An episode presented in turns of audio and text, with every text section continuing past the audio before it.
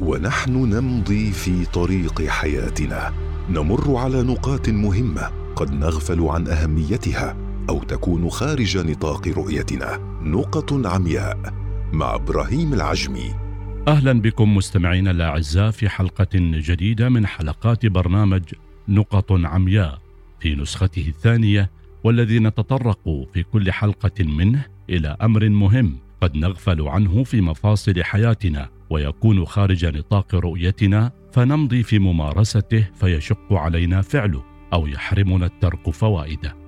في هذه الحلقة يذهب البعض منا وخاصة في هذا الزمان إلى أن العيش دون زواج والاستغناء عن شريك دائم في الحياة يمكن أن يكون سببا لحياة أكثر سعادة وأكثر انتاجا وأكثر تفرغا لتحقيق الأحلام والطموحات. وباتت الدعوات إلى العزوبة تتردد كثيرا اليوم بين الشباب متخطية كل الصور النمطية للمجتمعات الإنسانية التي لا تتردد في التمسك بشدة بحقيقة مطلقة وحيدة هي أن الزواج هو الوسيلة الأسمى للإنسان لبناء حياة سوية تضمن له السعادة ومتجاهلة لحقيقة أن الإنسان بما هو إنسان لا يستطيع العيش دون زواج.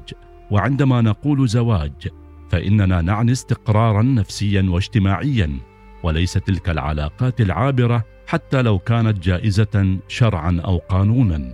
وقد يقول قائل إن الشخص الأعزب يتمتع بحريته وانفتاحه على المجتمع بعلاقات متعددة مع الأهل والأقارب والجيران على عكس المتزوج الذي عادة ما يفقد معظم تلك العلاقات. ويصبح محصورا في دائرة العلاقات الأسرية المحدودة.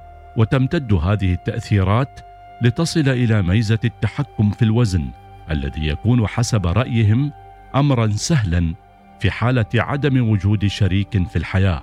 ولو تجاوزنا النظرة التي ينظر بها المجتمع للشخص الأعزب فإن ترك الزواج حتى ولو كان يتيح وقتا أرحب لإقامة العلاقات الأخرى إلا أنه يتسبب في مشاكل نفسية وجسدية لدى الفرد مع مرور الزمن وكبر السن.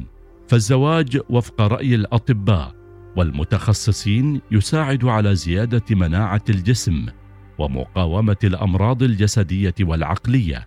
فقد أثبت الباحثون أن المتزوجين أفضل صحة عن غيرهم لأن أجسادهم تفرز هرموني الأستروجين والبروجسترون اللذين يساعدان على مقاومة الشيخوخة وزيادة الخصوبة والحفاظ على حيوية الجلد والبشرة وأن الأشخاص غير المتزوجين يميلون إلى الإصابة بمستويات عالية من الاكتئاب والقلق والاضطرابات النفسية وتقلبات المزاج ومشكلات التوافق وصولا إلى السلوك الانتحاري. ذلك كله بسبب تأثر إنتاج هرمون الكورتيزول المسؤول عن الضغوط خلال المواقف الشديدة بالإضافة إلى الآثار التي يجنيها المجتمع من خلال زواج أفراده من حيث نضج الذكاء الاجتماعي وأن إنشاء أسر سليمة ومستقرة ناتجة عن الزواج السليم يؤدي إلى المحافظة على المجتمع وأمنه واستقراره وقوته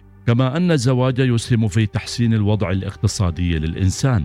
ما يؤدي بالتالي إلى تحسين اقتصاد المجتمع ككل كما أن انخفاض إصابة الأشخاص بالأمراض الكبيرة تساعد على الحفاظ على النظام الصحي للمجتمع قويا ومدخرا لأي طارئ صحي قد يصيب المجتمع فجأة كالفيروسات المفاجئة والأمراض الخطيرة التي قد يذهب ضحيتها مجموعة كبيرة من البشر.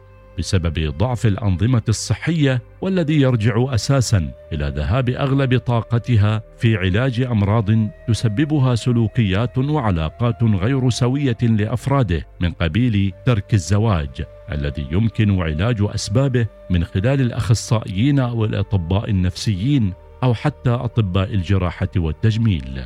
في هذه الحلقة مستمعينا الأعزاء وجهنا الضوء على نقطة من النقاط التي يغفل عنها البعض أو تكون خارج مجال رؤيتهم وهي أنهم يتركون الزواج ظنا منهم أنهم بذلك يوفرون وقتا لطموحاتهم وآمالهم. ناسين أن الزواج يحمي من الأمراض العضوية والنفسية وله فوائد جمة على المجتمع على أمل أن نلتقي مع نقطة أخرى من نقط عمياء. إلى اللقاء. نقط عمياء مع إبراهيم العجمي.